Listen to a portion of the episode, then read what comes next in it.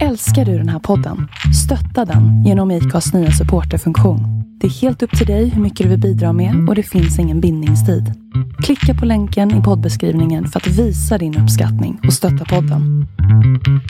Hej och välkomna till Fulekanten. En podcast med mig, Nelly. Och med mig, Erikaya. Gud, det hängde sig så jag hörde inte vad du sa.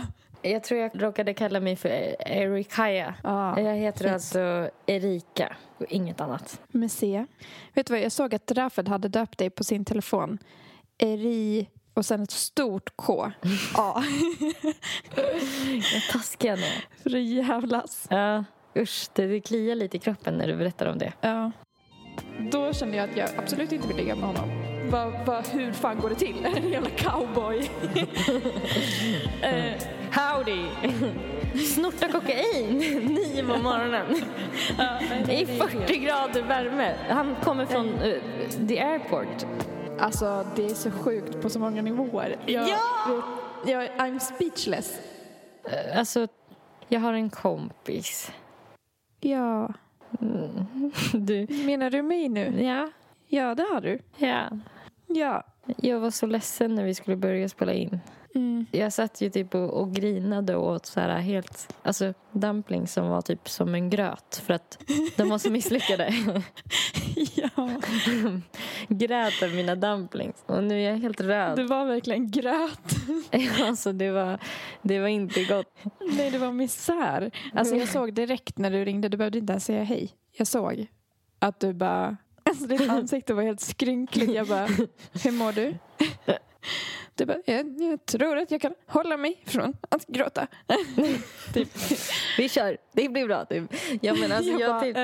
jag märkte själv mitt ansiktsuttryck när jag slog upp facetimen på datorn så såg man då ser man ju sig själv stört innan den andra har svarat tror jag. Och Ja. då såg jag hur mina ögonbryn, du vet, det såg ut som två, alltså som frammen på en båt typ, du vet. Alltså, att det var liksom så här, stackars Ja, mig. men det var faktiskt synd om dig. Det är ju hela fem minuter sedan hörni va? Ja. Nu är vi över det, nu. Det svänger fort i hockey, eller vad man säger. ja, jag knäppte en bärs nu, ja. Gjorde du det också? Ja, det gjorde jag. Dåligt inflytande jag är. Höll på en tisdag. Nu är ju vi i separata städer igen då. Mm. Och eh, fan vad det har gått dåligt för mig sen jag kom hem. Jag tänkte bara säga det. Kanske trösta dig lite. Ja, åh, det har ju, ja. Ja, men jag hann knappt komma hem innan jag hade tappat bort min telefon. för det första. Mm. Jag kom hem, bytte om, drog iväg på någon, något, parkhäng. Drack väl lite vin. Var väl mitt uppe i konversationerna. Och sen så bara när vi skulle gå hem så upptäckte jag att min mobil var borta. Och vi försökte ringa och ringa och ringa och typ ingen svarade. Och sen grät jag. För att jag bara, den är så dyr. Den är dyrare än min dator. Och var så här, jag har allt på min telefon. och bara, jag kan inte, jag kan tappa bort den. Eh, Men eh, då kollade vi så här, hittade min iPhone på min dator och så Mm. såg jag att den var på en adress. Och då tänkte jag att Alva troligtvis bor där. Så jag Mm. googlade upp Alvas adress och hon bodde på samma gata. Jaha, så Jag det var, bara- hon tog din eh, telefon? Var hon i färd med att sälja den nu på Blocket? Jävla ficktjuv. Nej, vi hjälpte henne hem för hon blev lite, lite rund under fötterna. eh, och när vi skulle gå så var det typ någon som bara slängde ihop allt på filten i en påse. Mm. Och så blev den påsen kvar hos henne. Mm. Så jag fick tillbaka den dagen efter. Åh, vad skönt. Ja, så en jävla tur. Jag trodde att jag hade kastat min mobil alltså, i mina hushållssopor i, i, i natt. Va? Jo, för att jag gick ut sent på kvällen och skulle slänga skräp. Ja. Och så kom jag in och så hittade jag inte den någonstans. Och då var det så här, du vet som när man tänker tillbaka och bara, då kan man ibland få den här känslan som när man står på en kant. Och bara, gjorde jag? Gjorde jag? Du vet, och så bara, nej, nej, nej. Jo, det måste, jag måste ha. Ja, och så, såklart så låg den under någon grej så här, men det var verkligen så här, Ja. jag får ändå den ganska ofta. Vad skönt att du inte liksom hann springa ner och typ dyka ner i Kommer någon, sopkastet. kommer någon granne. Ligger upp och ner i soptunnan och gräver. Bara, hej, hej, Hej hej! Hej, ah, ska du slänga sopor? Ja, det är bara att Ja, kasta jag, kan, på här. jag kan ta den, jag kan ta den där. tittar upp från. Kanske börja öppna deras pose också. Skulle du kunna ringa min telefon lite snabbt bara? alltså förresten, när jag var på den, eh, det parkhänget så fick jag höra om det sjukaste one night standet jag har hört. Och jag frågade henne om jag fick berätta det i podden. Och det fick du inte. Så, här, så bara punkt. Och, så att det får ni aldrig veta. alltså jag minns inte alla detaljer. Men alltså den hade så mycket twistar. För att hon, jag vet inte om jag ska säga hennes namn. Nej, jag skiter i det. Döp henne till någonting annat. Eh, Astrid heter hon nu. Ja, Astrid hade varit ute på krogen. Det här är så jag minns det i alla fall. Så om du lyssnar nu och jag säger något fel så då vet du att jag var också lite full. Så är det källa din känsla. Mm. Vi pratade så här, våra sämsta ligg. och då, då var hon på krogen och sen så hade hon typ spannat in en kille lite som hon själv inte tyckte var särskilt snygg. Mm. Men ändå var så här, äh, vi kan nog få till det. och så var de typ ett gäng som skulle åka på efterfest. Så hon skulle åka med dem. Så hoppar de in i en taxi och så åker de och sen så stannar, ber de att stanna taxin. Och så säger de åt Astrid att hoppa ut ur bilen Va? och bara eh, hoppa, du kan hoppa ut här. Eh, hoppa ut här och så springer du runt hörnet bara och så ser du en stege. Så klättrar du upp där bara. Och hon var lite så här full och bara eh, ja ja, eh, ja jag gör väl det då. Typ. Full och finurlig. Eh, så hon hoppar ut, springer, ser en jävla brandstege som hon klättrar ut upp för. Och eh, de här andra, typ två personerna eller vad det var, åkte runt och gick in liksom den vanliga vägen. Och så släppte de in henne via brandstegen. Som en kul grej. Ja, eller hon visste, fattade inte riktigt varför men det var så här, ja ja, som man gör. Så klättrar jag upp för brandstegen då. Inga konstigheter. Inget konstigt, det gjorde jag. Ja, och så var hon på efterfest och sen så blev det bara hon och den här killen kvar. Och eh, sen så hettade till och de skulle börja ligga och då var han så här pausade och ville slå igång en spellista. Och då kände hon direkt att så här, den här spellistan har han förberett för det här momentet. Alltså en ligglista. Och det var typ Tommy Körberg så här Håll mitt hjärta, håll min själ. Eh, och hon tyckte att bara att det var så här skitdåligt, skitkonstigt. Så jävla sexigt. Eh, och det var typ massa sådana så här eh, Carola, liksom så här Ja. konstiga låtar. Ja. Och hon började också tycka typ att han var ganska konstig men var så här, eh, ja ja, jag sover och typ går imorgon. Så sov hon. Så vaknar hon på morgonen av att det knackar på dörren. Och då kommer det in en vårdare som säger Men Tobbe, du får inte ha besökare. Vi har ju sagt att du inte får ha besökare. Förstår du vad sjukt? Så hon, det var därför hon skulle klättra brandstegen? Det var där. Så han var på någon jävla behandlingshem eller någonting. Alltså så här, det var något som var skumt. Och hon klättrade in via brandstegen, tyckte inte alls det var konstigt. Och så visade det sig att han har en vårdare och att hon absolut inte får vara där. Och hon typ bara drog så fort hon kunde. Han hon liksom kolla vad det var för behandlings... Eller vad... vad Nej, hon sa aldrig det. Hon sa att hon trodde att det var någon form av behandlingshem. Liksom. Men jag vet inte, hon sprang väl säkert därifrån. ja, men också att de hade efterfest hemma hos honom. Ja, men det var väl kanske ganska lugnt eller något. Jag vet inte. Bara, Det var väl en, en till på hemmet. ja, ja, det känns ju som att det var folk som bodde där. Att de, det, det känns som en så himla osmart sak att sätta så här narkomaner tillsammans i samma boende. Ju. Ja. ja. Men gud, vilken... Alltså, Så jävla, jag tyckte det var en så sjukt bra historia.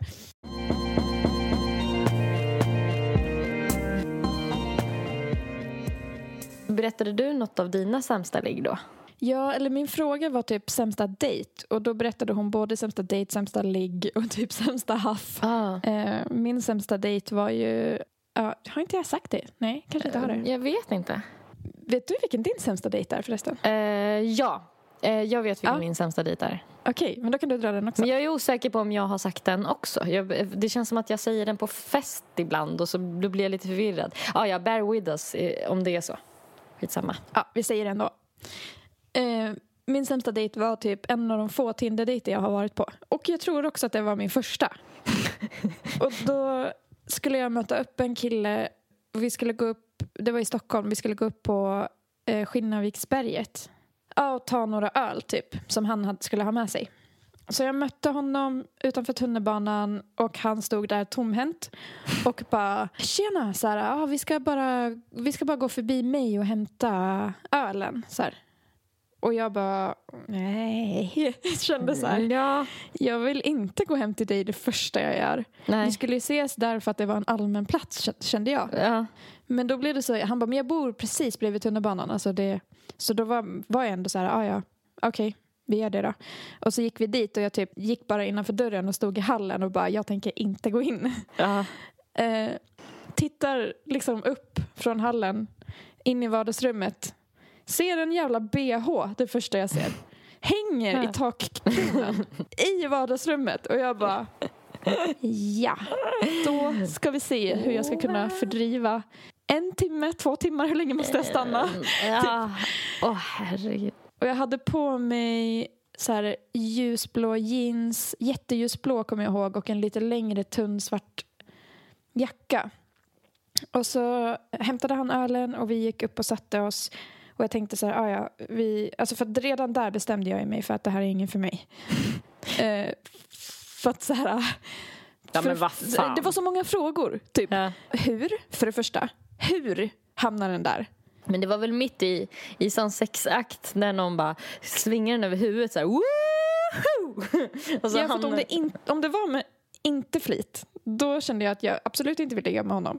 För att, vad, vad, hur fan går det till? En jävla cowboy. eh, och om det är med Howdy. flit så, ja. Och är det med flit så är det också så jävla sjukt. För att bara, vem fan pintar sin takkrona med en bh? Då är det ju bara ett äckel. Och så här, om den har råkat hamna där, har du inte sett att den är där? Och tar man inte bort den då? Eller har du lämnat kvar den med flit? För vad? Det är klart att den har sett den, att den är där. Alltså, det, har lämnat kvar den som en kul grej typ. Antingen, ja, precis, antingen så har det ju hänt under ett ligg och att han lämnar kvar den för att du sen ska komma med hem till honom och bara Oj, haha, vad, vad är det där? Så, här, så, så att han bara, jo, det är en, så här, det är en lång historia, äh, vill du höra? Typ, så. Uh, Fast varför skulle du vilja höra det? Det är nej, jättekonstigt. exakt. Och sen så, nej men jag tror lätt att han hade gått och köpt en på rea och sen hängt upp själv. Hängt upp den. Ja. Ja, fy fan. Säkert. Ja, och sen så satte vi oss på berget och pratade lite och han var så jävla oskön. Alltså han var en sån person som inte log alls. Usch. Och jag, jag, var en, jag tyckte ändå jag var skön. Jag var så här, lite nervös men pratade på. Jag vet att jag drog några bra skämt. och att han var så här, Helt nollställd. kul. Han sa typ kul. Man bara, "N- nej, det tyckte du inte alls att det var. Och jag, kände mig bara så här helt felplacerad. Och eh, jag kommer ihåg också att han sa hela tiden att han hade träffat så sjuka personer via så online dating och hur han så här gång på gång sa att jag verkade helt normal och att jag bara kände du verkar inte helt normal. Nej. Eh, och sen sitter vi där och jag känner, nu får jag mens. Jag har nästan vita byxor på mig, jeans. Och bara, fuck, fuck, fuck, fuck, fuck. Tittar mig omkring och bara, nej, jag ser ingen toa. Nej. Tar typ så här, så här, låtsas tar upp ena benet lite för att klia mig på foten och bara typ försöker få en titt. Ser att, Ja. jo då, jag har blödit igenom. Åh nej! Och bara fuck, så här, tar min som tur var hade jag ju en längre jacka på mig så jag drog den runt mig och bara "Eh, ska vi gå någon annanstans kanske? Jag, behöver, jag skulle behöva gå på toa så här. Ja. Och då gick vi och så gick vi till någon sunkbar och jag gick in på toan och bara går det här att rädda? Och så bara nej, det går inte att rädda. Och jag minns att jag sa till honom i början av kvällen att jag kände mig pyttelite krasslig. Det här var ju innan corona. Mm. Ehm, Så när vi hade typ tagit en öl på det där stället så var jag så här...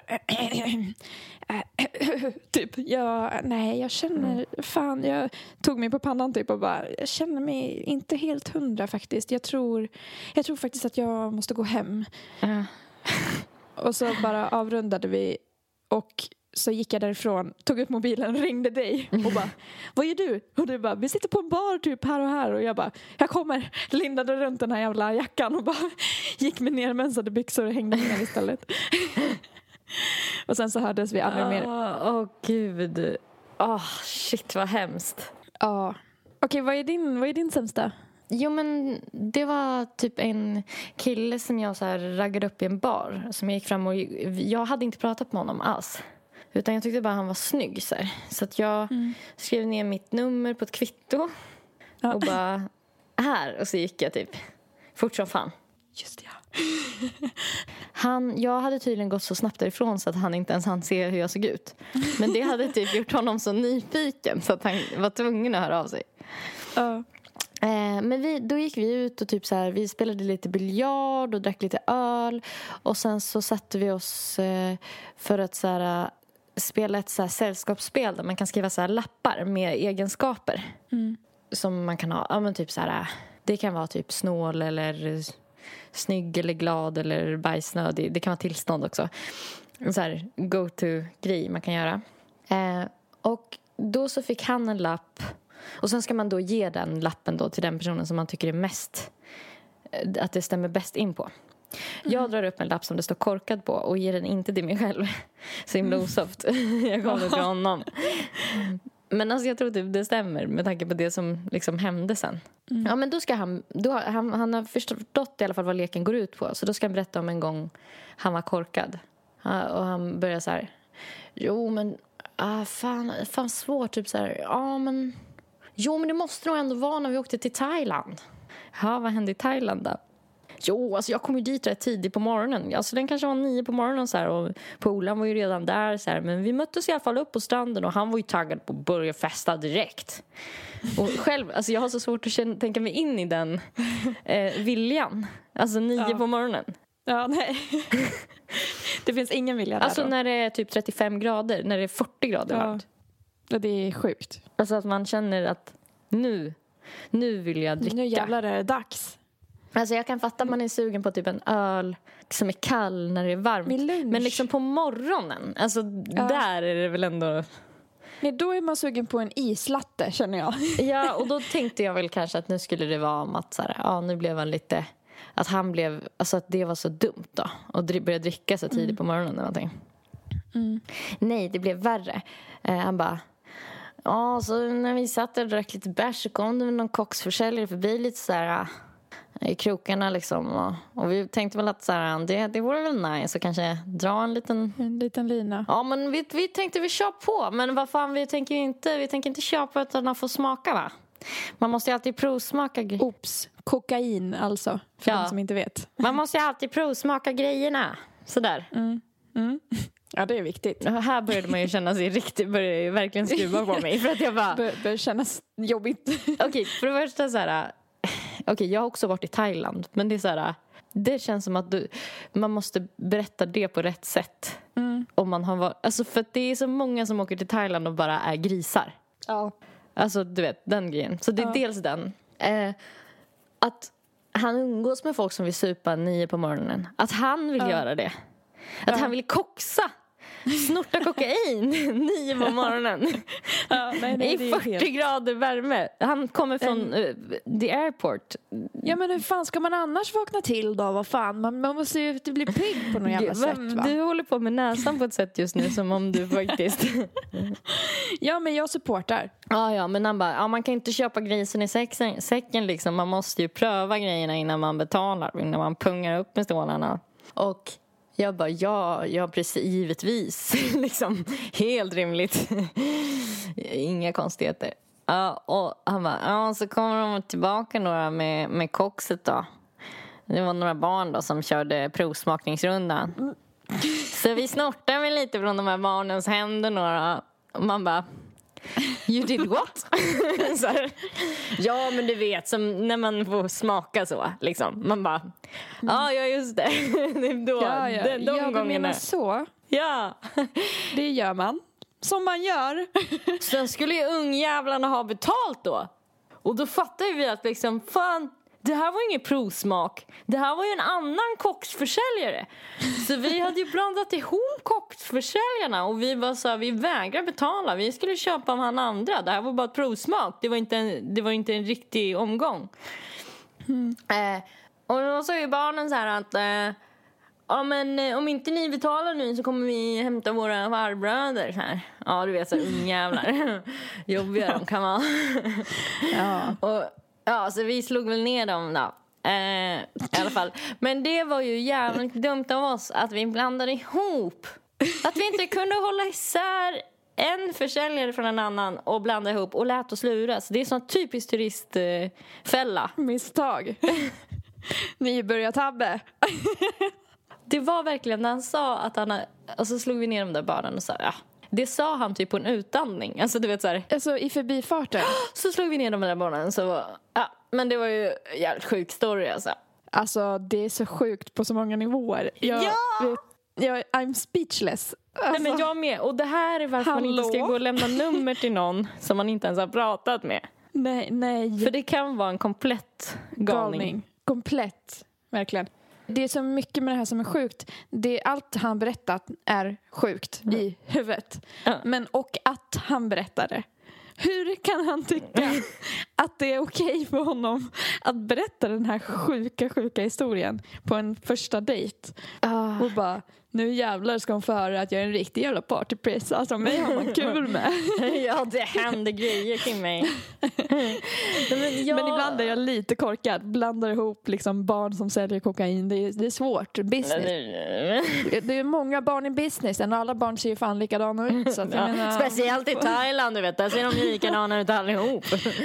alltså, ja, ja, men alltså, alltså ja, men fattar du liksom den... alltså, För du vet, det är ju ofta tycker jag man får höra folk återberätta någonting som de har varit med om eller typ en konflikt som man ibland kan vara så här ah, och så gjorde hon så mot mig för att hon tänkte så här, sätta dit mig. Och man bara, man hör, he- när man har hört hela historien så kan man se så här att ja fast jag tror nog att hon hon, hon tänkte nog faktiskt, eftersom att hon sa det där innan så var det nog kanske inte riktigt att hon ville bara vara, bara vara dum, tror jag. Nej, du vet, ibland typ, här, man, kanske bara informera dig. Ja, eller liksom kanske till och med ge dig en komplimang men att du har missförstått vad som hände. Typ. Att jag tycker det är rätt ofta det händer. Och det här Ja. var ju typ ett sånt exempel på anabola steroider. Alltså att, att han bara liksom, hans, liksom, för honom var sensmoralen i hela historien att man måste hålla koll, hålla isär en koksförsäljare från en annan. Man ska veta vem man köper sitt skit av så att säga. Det var det han liksom tog med sig som en sån visdom. ja, inte att han råkar slå ner några barn där på stranden. Det var liksom... Det var en parentes bara. Ja, för det måste man ju. Man måste ju förs- det var ju självförsvar för fan. ja, exakt. Alltså det hade ju varit bättre om man hade slagit ner svenska barn som inte sålde koks. Ja. För det här var ju så Ja. barn det var riktigt jävla synd om också. Ja. Alltså, det är så här, åka till det fattigaste liksom. Också, det är också en historia om hur jävla... Dels hur, hur, skeva, hur skev syn han har på saker. Men också hur jävla feg han är. Ja, Som han- slår ner, passar på när barnen, innan farbröderna har kommit. Slår ner barnen, inte vä- invänta farbröderna och slå ner dem. Nej. Vi, vi kör nu, de här har vi en chans mot grabbar. Slå det hårdaste ni kan och så springer vi. alltså, Jag hade inte ens tänkt på men du vet då står man, han, stod, han hade, tog sin kabinväska ner till stranden i princip. Alltså du vet det var kommit direkt färsk från Sverige och det, det, Ja. allt det hinner hända liksom första kvarten. ja, fy fan. Alltså förstå. Så att, Ja. eh, alltså, och vi är förlovade De- nu och, väntar vårt första. Ja, det ska bli så fint att gå på ett bröllop. Tänk ska vara barn med honom. Ja, fy fan. Alltså. Men du tog dig ifrån den dejten ganska fort sen va? Ja, jag, jag tror jag också drog... eh, Nej, jag drog tidigt upp imorgon-kortet som jag hade planterat så innan vi sågs. Mm. Så här, bara så du vet så ska jag upp tidigt. Så, så att jag alltid kan dra det i värsta fall. Jag borde inte säga Ja. sånt här i podden. Nej, det borde du Egentligen. Men det är alltid så bra om man kan säga så här, ja vi kan ses på en öl och sen så bara, fast bara så du vet så ska jag upp tidigt och då kan man ju alltid säga att Ja fast du vet egentligen så är det ju något som jag bara säger till de andra killarna, de tråkiga typ så här. Så kan man stanna hela natten om man vill det.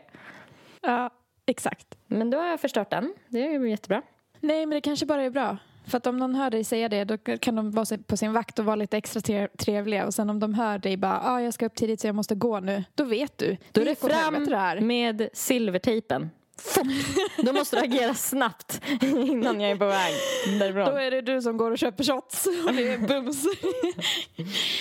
så spetsar du den med lite rohypnol och så fixar sig det där sen. Herregud, vad fan. Alltså hur naiva är ni? Hur fan tror ni barn blir till egentligen? ja, vad fan. Man får inte vara dum. Ja. En annan sjuk grej som har hänt mig sen jag kom hem då, det är att jag två dagar i rad har blivit attackerad av en fiskmås. Va? Ja då. Först på väg till Rafed, strax utanför där jag bor, kommer en jävla fiskmås och dyker ner två gånger mot mig. Jag kutar hela vägen till bussen. Och sen i morse när jag skulle åka hem från Rafed, Det är ganska långt till bussen också. Alltså, det är Ja. ganska lång springtur. och sen i morse, och då var det så jävla pinsamt för då försökte jag hålla mig cool. För då var jag mitt på Willys-parkeringen i Falun. Och så bara... upp, upp, upp ett byte. Eller hör jag ett jävla ett jävla ljud. Och bara ah, tittar upp ser en fiskmås som dyker. Alltså den, den vände liksom typ fem centimeter ovanför mitt huvud. Och så här flög upp. Och jag bara ah, okej. Och då var jag så här spela cool för jag såg att det, det var folk liksom runt omkring. Så jag bara fortsatte gå. Och då dök den mot mig igen. Och då, men då började jag kuta. Alltså jag, Ja. Då var jag så här... Men alltså de är så vidriga. Ja, sen skrev jag det till Rafed och då fick jag höra att han hade blivit attackerad av samma fiskmås samma morgon när han drog till jobbet. Han bara, vad fan? Produktiv fiskmås. Ja, Men eh, alltså, ja, jag fattar verkligen inte hur de inte... Alltså, att de varje år ramlar ur bot. Eller är det med flit? ja nej, men jag tror För de kan ju inte flyga än. De börjar ju gå Nej. på marken långt innan de kan flyga. Och det, de kan väl inte hållas kvar i bot då? För att de, de går väl iväg liksom. Ja, Ja, nej det är för jävligt va? Skjut av dem allihop känner jag. ja verkligen.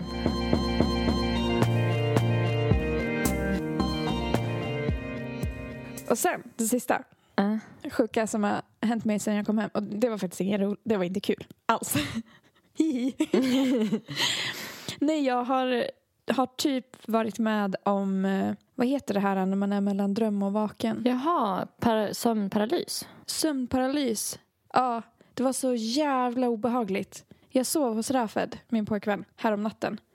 Och så drömde jag att jag var, han bor på ett studentboende och jag drömde att jag var i den studentkorridoren. Och att det var ett gäng personer som jag aldrig har träffat som höll fast mig på golvet och skulle våldta mig. Alltså så här, det var både tjejer och killar som höll ner mig.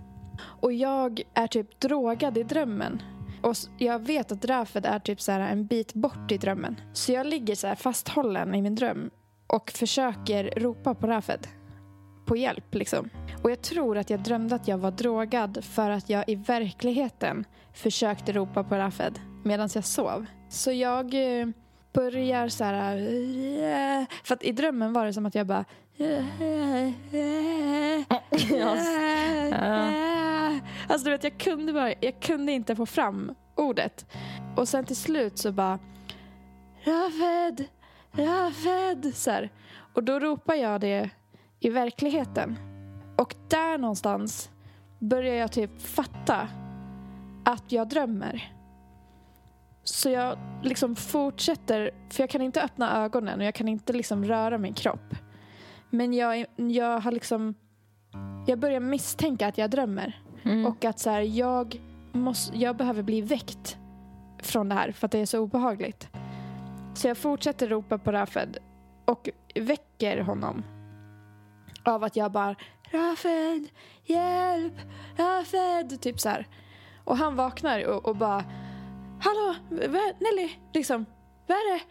Och då, då hör jag Rafed när han pratar med mig. Men jag kan fortfarande inte vakna. Så jag, jag bara fortsätter. Och där, jag är typ medveten om att jag ligger i sängen där. Mm. Men att jag bara behöver bli väckt ordentligt. Typ. Så att jag fortsatte och bara Rafed, Rafed. Så här. Och han typ så här tog tag i mig och då typ vaknade jag och bara "Ah", Alltså det var så jävla obehagligt. Gud, det låter helt sjukt. Ja, det, var, det har aldrig... För ett tag var jag inne på om det var lucid dreaming när du berättade. Ja, För att det är ju Jag när man är, när man är så här, med, man vet att man drömmer men man kan styra sina drömmar typ. mm. Om man bara lär men sig jag hur kunde man gör. inte styra någonting. Och det var Mm. inte heller den här känslan av att typ min dröm blev kristallklar som de som har lucid dreaming brukar säga Mm. att det blir. Utan det var mer att jag typ visste att jag låg i sängen och behövde vakna för att min kropp typ fortfarande sov. Men Ja. jag lyckades så här mumla fram Rafets Och du kunde inte öppna bara- ögonen heller. Nej, jag blundade och hörde att han var vaken bredvid mig men att jag ändå var så här Rafed, Rafed. Alltså, alltså jag var så rädd. Alltså det var så jävla läskigt. Gud, vad creepy det låter. Och han blev ju jätterädd. Han förstod ju att jag drömde och liksom väckte mig och bara vad hände? Alltså så här, och jag Mm. bara Ja, typ jag drömde det här och bara jag, jag ropade på dig i drömmen och så måste jag ropat på dig i verkligheten och sen typ så här, för, sen förstod jag att jag behövde bli väckt och jag kunde inte vakna själv så här. Gud, vad sjukt.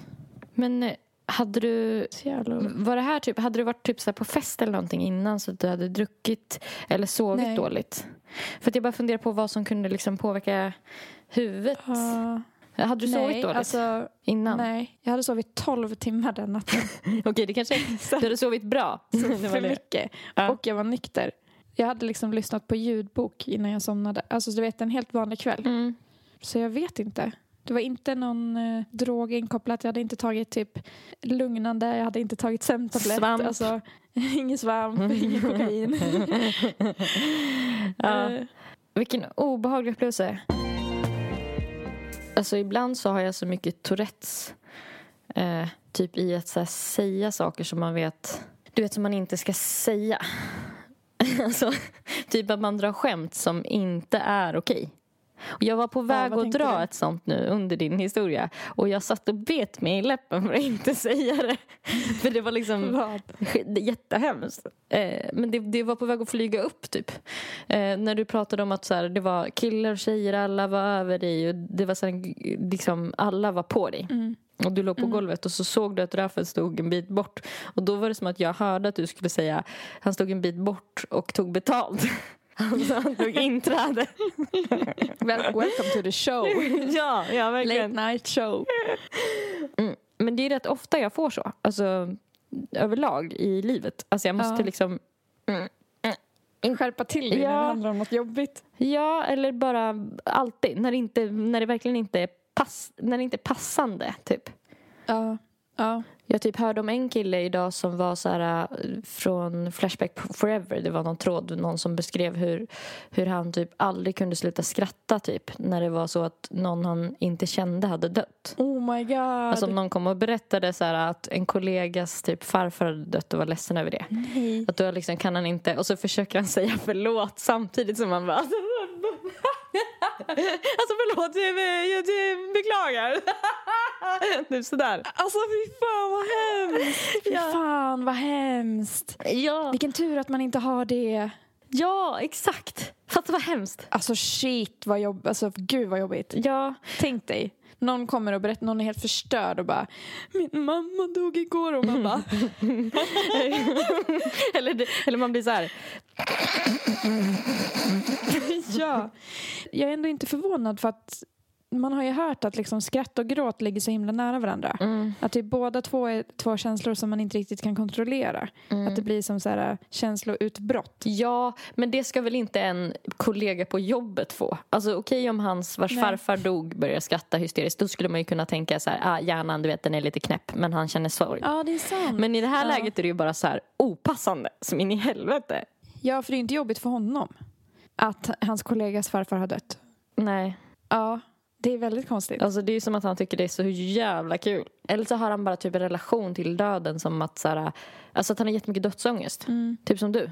Alltså att han blir, och att egentligen blir, får jätte, jättemycket ångest och börjar skratta som en försvarsmekanism Ja. typ. Eller att han blir så jävla nervös, typ. Ja. Att han börjar skratta. För att han inte vet hur han ska... Jag kan tänka mig att han, alltså att folk som har sådana där problem efter ett tag blir så nervösa att de ska börja skratta. Att de börjar skratta. Ja. Alltså skrattet Ja. är en nervositetsgrej. För att det har så- hänt en gång. Ja, och då blir det ännu mer, ännu svårare att hålla sig för skratt typ. Ja, fy fan. Åh, vilken tur att man inte har det där. Ja, verkligen. Jag kände alltså, så man är tacksam. fucked up på många sätt, men Just den lilla Det grejen där. har man inte. nej. Du, jag måste verkligen kissa. Jag har hållit mig jättelänge nu. Ja, kör. Säger det också i micken som vanligt.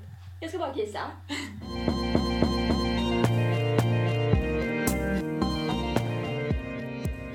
Jag fick göra en sån här uh, tårta som jag visade dig förut. Och I den tårtan så skulle jag, för att jag går ju i terapi för prestationsångest. Och då så skulle jag fylla i den tårtan så här, eh, alltså om man lyckas med någonting, vad beror det på? Och då skulle jag liksom sätta in olika tårtbitar i olika storlekar som skulle vara kopplade till olika liksom ingredienser i varför man lyckas med någonting. Då kom jag fram till liksom att min tårta skulle bestå av eh, kontakter, tur, talang, hårt arbete och sen erfarenhet eller kunskap. Mm. Och du reagerade ju när du såg min tårta. Mm. För att jag höll inte med. Kommer du ihåg varför du reagerade på den? Min tårta. För att jag vet ju att... eh, Har jag beskrivit det här så man fattar by the way? Fattar man vad jag pratar om? Ja, ja typ. varför man lyckas. Ja. Eh, och ja, du har ju applicerat det på musikbranschen antar jag. Och jag blev förvånad över hur liten tårtbit du hade satt på tur där. För det är ju väldigt mycket tur och kontakter, tänker jag. Var på rätt plats vid rätt Ja. tillfälle. Ja, Och precis. Typ, eller rätt person på Instagram råkar dela din låt. Ja. Eller så här. Och det liksom blows up. Och du hade gjort eh, tur-tårtbiten väldigt liten. Den är Och minst det reagerade jag på. i min tårta. Ja. På din hade den varit mycket större. Kanske en tredjedel, eller? Ja. Av hela tårtan. ja, kanske. ja, vi kanske tar en bärs. Vadå? Låt oss vara. Det är inget att hålla på och tramsa runt om. Eh, mina största tårtbitar är kontakter, hårt arbete och kunskap och erfarenhet. Men hårt arbete är störst. Mm. Ehm, ja, och då var det i alla fall att eh, när, när jag hade gjort den här så hon kommenterade också på, det, på exakt det du kommenterade på också. Att min tårtbit med tur var så himla liten. Och det, på något sätt så blev det så tydligt när jag fick rita upp det här att Mm. Ja, men det är klart att om jag, har, om jag lever med den här inställningen så är det inte så konstigt att jag lider av prestationsångest. Nej. Visst hade du gjort tårtbiten med talang ganska liten också? Ja. För det tycker jag också är helt sjukt när det kommer till musikbranschen då, om man ska vara en artist. Mm. Jag har så svårt med det ordet. Artisch. Det är liksom det jag vill bli och jag kan inte uttala det. Stör mig. Eh, att eh, det känns väl som att talang och tur ska vara jättestora där. De två är minst i min tårta. Talang, den hade jag gjort väldigt stor. Mm. Ja. Men jag, tänk, jag betraktar nog talang lite som någonting som är lite som tur. Alltså att antingen har man talang eller så har man inte det. Sen finns det erfarenhet och kunskap. tänker- Mm, Och det kan man ju bli, man kan ju öva på någonting och få erfarenhet av att spela eller så. Men sen kan man ju ha typ talang. Alltså så här, man säger att vissa är så musikaliska från födseln och sådär. Mm. Men jag antar att du applicerar det på dig själv. Ja, men eh, generellt också tror jag. Alltså jag tänker på de, hur de flesta lyckas så tror inte jag det är de så här, jag vet inte, alltså, ja men typ talang. Alltså man tänker sig de här sång, sångfåglarna, de som är så här, de bästa på att sjunga till exempel. Ehm, det känns ju som att man kan komma på väldigt många andra artister som liksom får sjunga lika mycket utan att ha den rösten. Ja, men då kanske de har en talang i låtskrivande. Ja, eller du typ tänker så. en Ja. talang i eh, musikproduktion eller Mm. whatever. Liksom. Det är Ja. fortfarande talang. Ja, det är sant. Även om man måste jobba för att typ lära sig producera så måste man ju ha någon form av talang. Från början. Eller liksom gehör eller typ man Mm. måste ju kanske vara lite musikalisk för att det ska bli bra. Ja, både du och jag vet ju typ folk som är så här, som lägger otroligt mycket tid på musik. Mm. Som, in, som vi tycker helt saknar talang. Ja, Alltså, exakt. Så att det är svårt att ta på vad talang är för att det är ju typ pyttelite blöder ihop med erfarenhet och kunskap. Ja. Att det blir pyttelite samma, men pyttelite Ja. inte. För vissa så är det som att det inte spelar någon roll hur mycket de gör någonting. Nej, precis. För vissa är ju skitbra på att sjunga från att de föds. Eller så här, Mm. har väldigt lätt för att lära sig spela gitarr, säger vi. Ja, men det som min terapeut sa när hon fick se min tårta i alla fall, där hårt arbetade så stor andel, så var hon så här, att hon gav mig ett förslag att så här, men skulle man kunna säga typ att en livsregel för dig är typ eh, man, man kan bara man vill. Mm. Och eh, jag blev så här, men det stämmer ju. Så, så har jag, alltid känt så. Mm. Känner du så? Att det är som en sån sanning, typ? Ja, det gör jag. Mm. Men sen så tycker jag inte att det stämmer in på alla. Nej. Nej, precis. Men jag tänker så om mig själv. Men att man tänker att andra människor kanske inte har alla förutsättningar. Ja, För det var jag, det pratade jag med henne om och bara, ja för att vissa, man kanske kommer från ett utsatt område, man kanske har en familjesituation som bla bla bla, man kanske har en, en så funktionsvariation eller liksom vad som helst som gör att det blir svårare typ. mm. Och då kanske det inte stämmer att man vill bara man, man kan, man vill bara man kan, man kan bara man vill. Eh, Då kanske inte det är helt sant och så bara, ja men skulle du säga så med typ dina vänner också så, så bara, fan nej. Den är, det är fan bara att jag tänker att det, Mm. det gäller nog mig. Alltså för att och det är så många som så här, tycker att det där är en så fin sak att ha som motto i livet. Du vet så här, ingenting är omöjligt och typ sådär. Mm. Men i samma stund som man säger att ingenting är omöjligt så, så säger man ju också så därför så suger du som inte har sett till att allting har hänt. ja. För du har haft all... Typ, liksom, Så du har haft möjligheten att komma längre än så här. Mm. Precis. Ja, verkligen. Ehm, så det, det tyckte jag var spännande också att hon frågade liksom, så här, hur jag skulle vara, Mm. bemöta dig till exempel eller någon annan, så här, hur jag skulle säga då om de misslyckas med någon, något projekt eller sådär. Mm. Ja, då är jag ganska säker på att jag skulle hitta massa anledningar till varför det är helt rimligt att det kanske inte gick den gången eller varför du inte orkade slutföra någonting.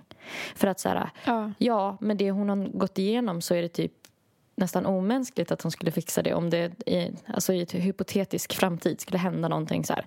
Ja. du, jag bara tyckte det var... ja, det är verkligen sant. Och så känner jag också Mm, med liksom dig eller folk runt omkring mig. mm, Men jag, man har, jag tänker nog också lite som du att så här, ja, jag hade kunnat om jag bara hade kämpat lite mer. ja, om jag bara hade ägnat mig mer åt hårt arbete typ. Mm. Mm. Alltså så här, ägnat mer tid. ja. Ja, hur känner du med den där boken som vi har börjat läsa, du och jag gemensamt? Det är som att vi också har börjat med bokklubb. Eh, Den här, eh, vad heter den, Utan oro, eller vad heter, heter den så? Utan press. Utan press, ja. Ja, det var min psykolog som tipsade mig om den Mm. när jag sa till henne, erkände för henne att jag hade skolkat från det senaste mötet för att jag hade fått lite prestationsångest i att jag kände att jag typ var trött och inte hade, visste vad jag skulle prata om.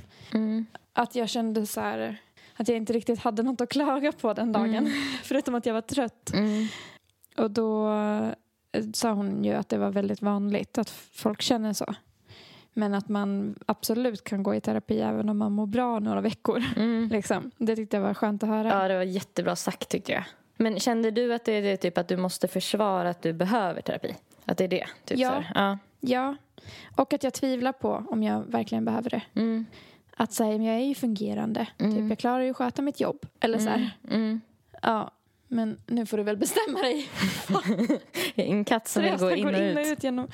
Ja, och jag måste stänga varje gång för att jag vill inte att det ska komma in något ljud. Ja, jag förstår. Eh, ja, men då tipsade hon mig, för att nu skulle hon gå på semester i några veckor. Mm. Och då tipsade hon mig om att eh, lyssna på den boken under tiden. Mm. Men då sa jag till henne att så här, jag vet inte om jag lider av prestationsångest så mycket. Men då verkade det som att hon typ ändå tyckte att jag gjorde det och att jag skulle må bra av att lyssna på den boken. Mm. Och nu har jag börjat tänka att jag kanske har mer prestationsångest än vad jag Det har har jag tänkt, tänkt. för nu har vi ju läst den tillsammans. Eh, Jag är inte Ja. färdig än. Inte jag heller. Men, men jag har tänkt mer och mer, ju längre jag kommer in i boken så tänker jag att det är många grejer som jag bara, ah, fast det här borde Nelly ändå känna så här, sig lite typ. Ja. Att, så här, att, att det ändå gäller alla människor på något sätt också. Ja, verkligen. Så att jo, absolut, jag har ju prestationsångest också. Men så kanske jag har jämfört mig med dig som har jättemycket och tänkt att jag inte har det. Liksom. Mm. Jo, hon sa också till mig att eh, jag kan titta lite på övningarna under tiden hon har semester och att jag kan lyssna på boken men hon tyckte jag skulle prioritera boken i så fall. Ja. Och så var hon så här, men du ska veta att det är inget krav att du Mm. ska ha gjort det här. Alltså om du inte har gjort det när vi ses nästa gång så gör det ingenting.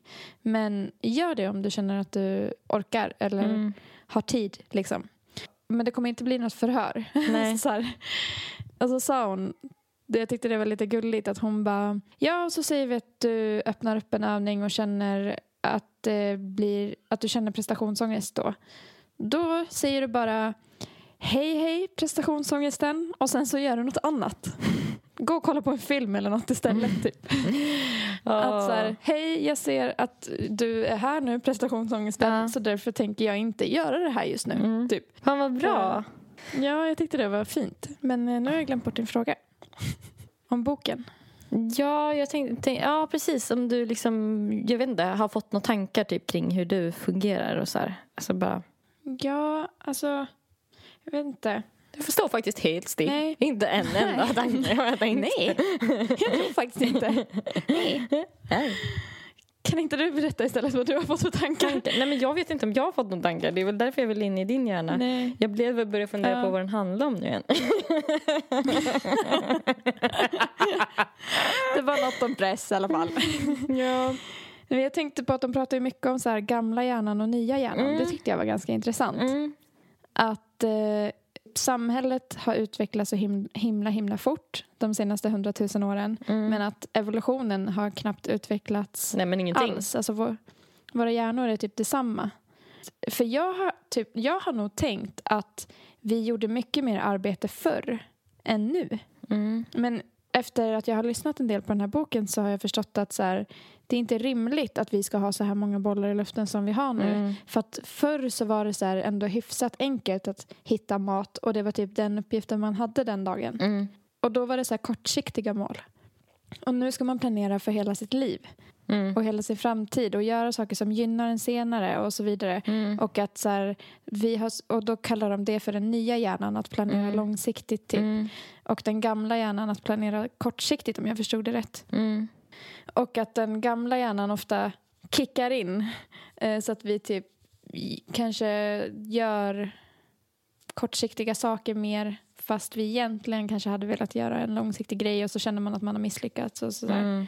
Och att vi känner så här, eh, orimligt mycket liksom, ångest över en sak kanske för att vi inte, alltså för att vi har samma hjärna.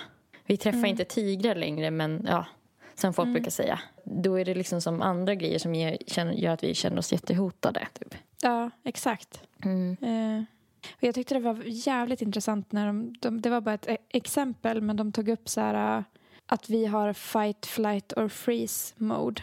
Mm. Och det här visste inte jag om freeze mode och det tyckte jag var så jävla coolt. Att mm, man ser ett hot och bedömer, kan jag fightas med det här hotet? Mm. Säg att det är en björn. Nej, det kan jag inte för björnen kommer vinna. Eh, kan jag fly? Och då kanske man känner nej. Jag kommer inte kunna springa ifrån det. Och då kickar freeze mode in. Mm. Att man fryser och blir stel och tyst. Och om jag förstod det rätt, då sa de typ att när freeze mode kickar in så går pulsen ner och man tar lugnare andetag. För att kroppen förbereder sig själv på smärta och vill försöka underlätta smärtan som kommer komma så mycket som möjligt. Så därför händer det fysiska saker i kroppen när vi går i freeze. För att vi ska kunna typ ta emot den här smärtan. Eller så här, Säg att en björn ska attackera att vi, vi fryser. Då är det för att det ska göra så lite ont som möjligt när den dödar oss. Och det, är ju, det brukar man ju prata om händer våldtäktsoffer så himla ofta. Ja, just det. Att eh, de fryser. Och det är ju för att de har bedömt att de kan inte fight or flight bedöma hjärnan även om det inte kanske är sant. Mm. Och då fryser de för att undvika så mycket smärta som möjligt. Och att det blir så, så här, svårt att redovisa i rätten för att det blir så här, men varför gjorde du ingenting? Jo, för att den här personen har hamnat i freeze mode. Och den har bara försökt typ göra ska- minimera skadan. Liksom. Mm. Och jag tyckte bara det var så jävla häftigt att höra. Mm. För eh, jag kan garantera att många tjejer som lyssnar på det här har varit med om det och jag själv och du också. Mm. Du, det är superintressant. Men det där med att man fryser, då kanske man bara skulle ha klätt på sig lite mer kläder innan man gick ut. Ja, det är sant. Inte vara så lättklädd. Så det kort kjol, jättekallt. så man slipper frysa. Ja. Ehm, alltså, oh gud, det är jättespännande. Kan vi säga igen vad den hette så att eh, om någon vill kolla upp den här boken, den finns faktiskt att lyssna på. Den heter Utan press om eh, medkänsla, prestation och stress. Skriven av Sofia Viotti.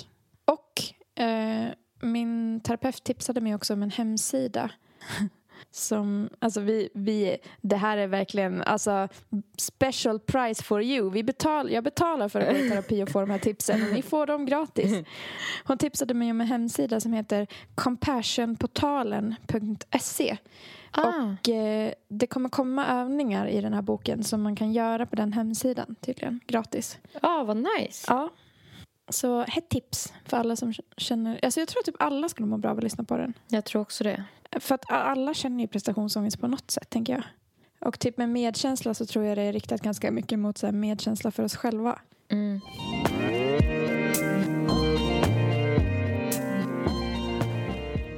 Hallå, jag lyssnade på den här dokumentären du tipsade mig om. Ja, vad, sk- vad var den hette? Kan inte du säga? Eh, jo. Jag får sån träsmak i röven av att sitta på den här stolen. Min, mina nya sittkuddar är så jävla hårda. Att sitta in dem. Det är som att de, de vill... Och så, så när de är pyttelite för små för stolen så det är som att de mer vill upp i anus än bara ligga på stolen. Alltså de kryper in. Jo, eh, det är ett avsnitt av Verkligheten i P3. Rebecca är mamma till en reborn-docka. Det är såna här dockor som är väldigt verklighetstrogna och ska se ut som bebisar. Mm. Vad har du för känslor när du hörde det här? Jävligt blandade känslor. Alltså jag visste inte vilket ben jag skulle stå på. Nej, för det så kände jag också. Ja. Det var just därför det, det kändes roligt att prata om det. Ja. Nej men först så blev jag bara liksom lite äcklad. Och tyckte typ att så här, fy fan, mänskligheten är så jävla sjuk. Ja. Vad fan är det frågan om? Vad är det här? Ja. Eh, men sen ju längre in jag kom i dokumentären så typ förklarar ju hon, för då intervjuar de ju en kvinna som eh, inte kan få egna barn. Som håller på med reborn-dockor. Hon har haft flera stycken. Ja. Eh, men nu har hon en som hon tydligen aldrig får göra sig av med för att det var kontraktet för att hon skulle få den av sin kompis. Ja, ja men precis. Hon, hon är mamma till en reborn-docka och jag fick typ intryck av att, eller så här, hon, det sa hon ju också, men att det, det gjorde att hon kände sig mindre ensam och det kändes som att hon led mycket av typ ångest och såna här saker. Att det här var Ja. nästan som en trygghet för henne. Mm. Ett sätt att lugna ner sig. Typ. Ja. Och Hon refererade hela tiden till dockan som hon. Alltså det var en verklig person typ, för henne. Men även om hon var tydlig med att så här, jag vet att, inte, att det inte är det. Mm. Men det känns så typ, eller något. Ja. ja, precis. För det var där jag började liksom vända åsikt lite. För då började jag tänka så här, ja, alla mår ju bra av att ta hand om någon eller något. Och har man ingen att ta hand om så kanske det är bra då. Mm. För jag tänker också, så här, eller ja, skaffa en hund. Men Ja, det kanske är ett för stort ansvar för henne. ja, kanske. För att det är en levande varelse. Och jag tänker också typ på så här, för det har jag tänkt ganska mycket på. Det finns ju så här äh, ångest, hundar som är tränade för att lindra ångest. Mm. Och jag har tänkt på att så här, ja, det är coolt att man kan träna hundar för det. Att de ska komma och typ lägga huvudet på en eller krama en när man har en ångestattack. Men jag har också tänkt på att så här, det måste fan vara traumatiserande för hunden. Mm. Att så här, äh, känna ett sånt ansvar och typ behöva se sin ägare typ få panikattacker hela tiden eller sådär. Mm. Att då kanske det är bättre att ha någon som inte lever Mm. som en reborn-docka. Mm. Men jag vet inte. Jag känner mig kluven. Ehm, ja, jag med. Okej, men eh, jag tänkte jag skulle spela upp ett litet klipp ur eh, den dokumentären. ett sätt som jag hade när jag var bebis. Det är typ en hetta, ett par hängselbyxor och en body. Nu ska Kaeli få en ny utstyrsel. Men först ska Rebecka byta hennes blöja. Hon lägger henne på ett skötbord, tar av henne bodyn, torkar henne, smörjer in henne, pudrar henne och byter på henne.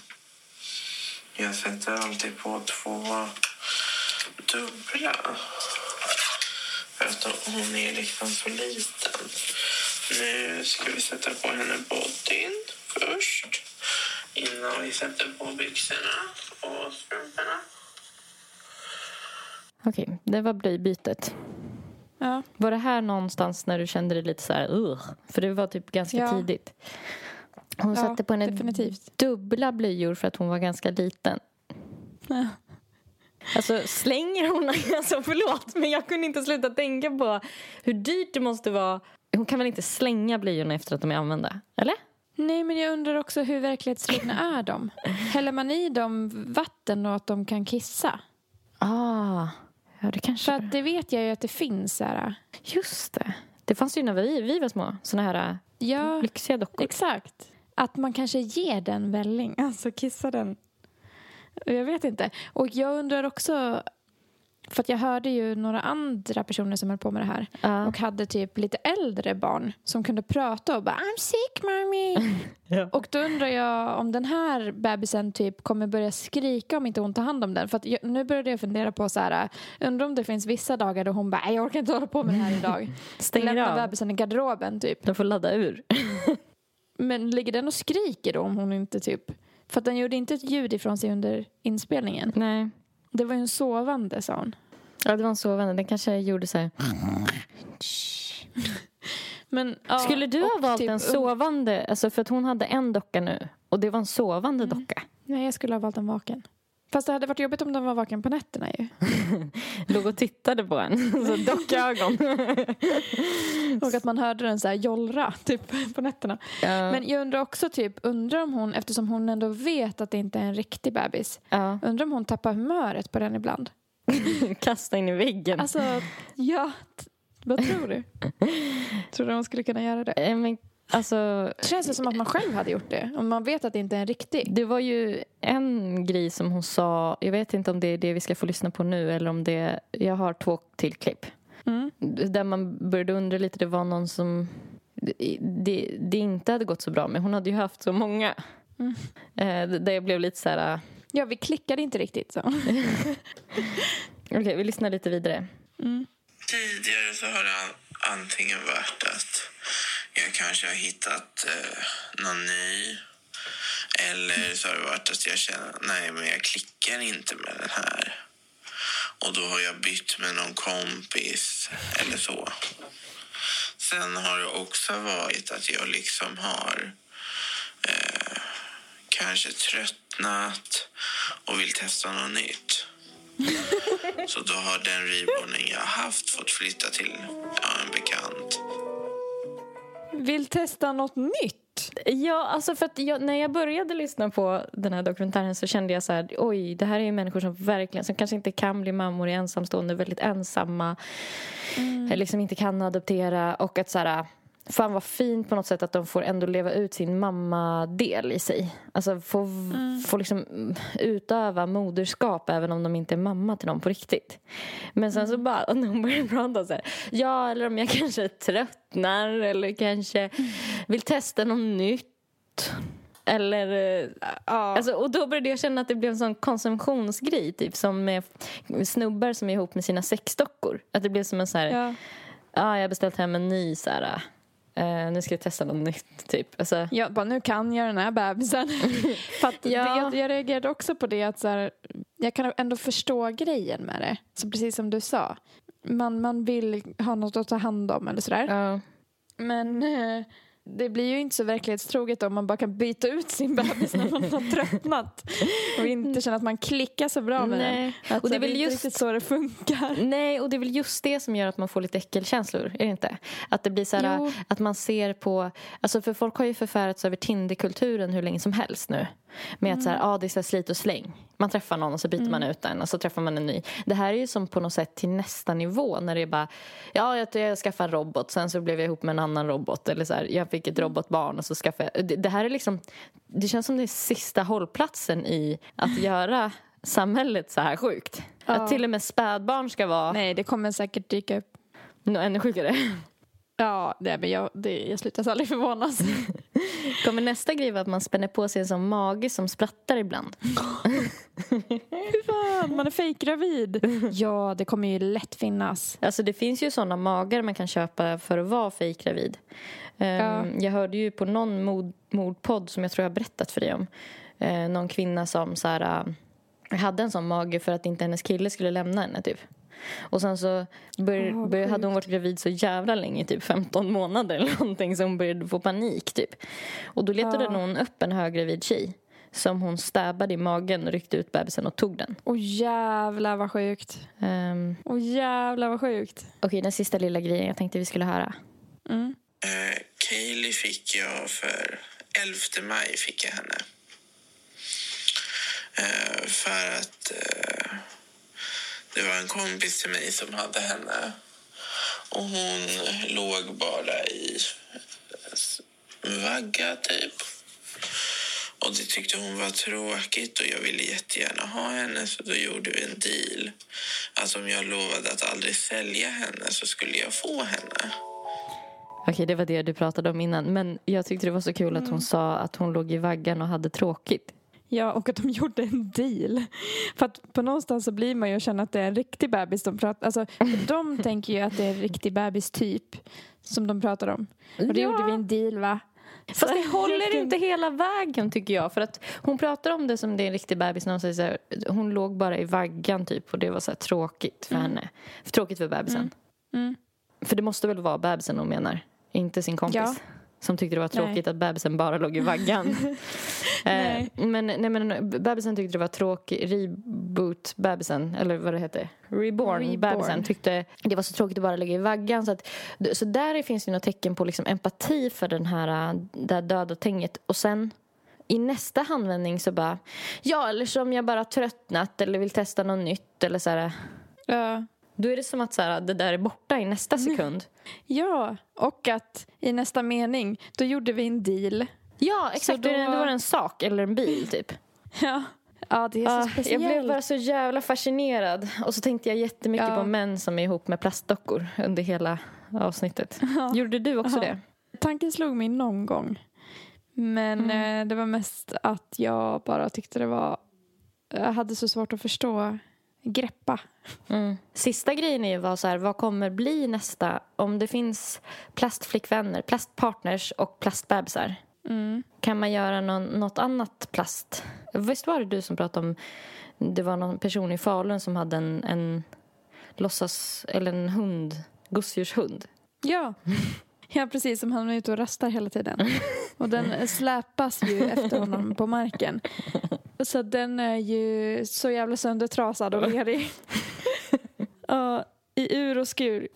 Liksom, nu har folk löst det med familjen. Mm. Skulle kunna göra så här, äh, man kan få en, en chef gjord av plast. Det hade varit rätt skönt. Eller en förälder. Ja, för- Ja, just det. Det finns säkert inte än. Ja, en chef, husdjur. Fast husdjur borde ju finnas som bebisar finns. Men typ om man är en sån som jobbar väldigt mycket själv så kanske man kan sätta såna dockor i fikarummet så att man, när man Ja. går ut så har man några att fika med. Ja, och en chef som liksom säger åt en att skärpa till sig. nu, det här ska vara klart imorgon, annars får du sparken. Och sen kan man ju säkert programmera in vad de ska säga så att de här kollegorna bara Hörde ni vad Thomas sa till Filip idag? Om frugan. Skvaller. Åh, kul. Eller så här, vänner. Låtsasvänner. Ja, plastdockvänner. Men lite poängen med vänner är väl ändå att de ska bo hemma hos sig. Alltså då måste man ju Ja. skaffa boende. Alltså, det blir lite bökigt. Det är sant. Om man inte bor i kollektiv, då kan det funka. Ja, det är ju framtiden. Usch, jag tycker det är lite obehagligt. Jag tycker också det är lite creepy. Instagram så heter Nelly Nelly Malou. jag var Nelly. jag var på väg att säga Nellpan. För det sitter typ så bra i eh, munnen som ditt gamla namn. Eh, hon heter Nelly Malou överallt där du kan lyssna på hennes musik och på Instagram. Och eh, så var det med det va? Everywhere. På Instagram heter Erika zebra track och Zebra stavas med C.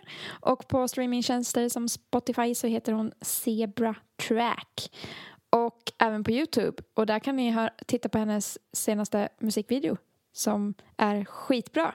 Vi hörs nästa vecka! Det gör vi. Ta hand om er där ute i värmen. Och glöm inte solkräm. Okej.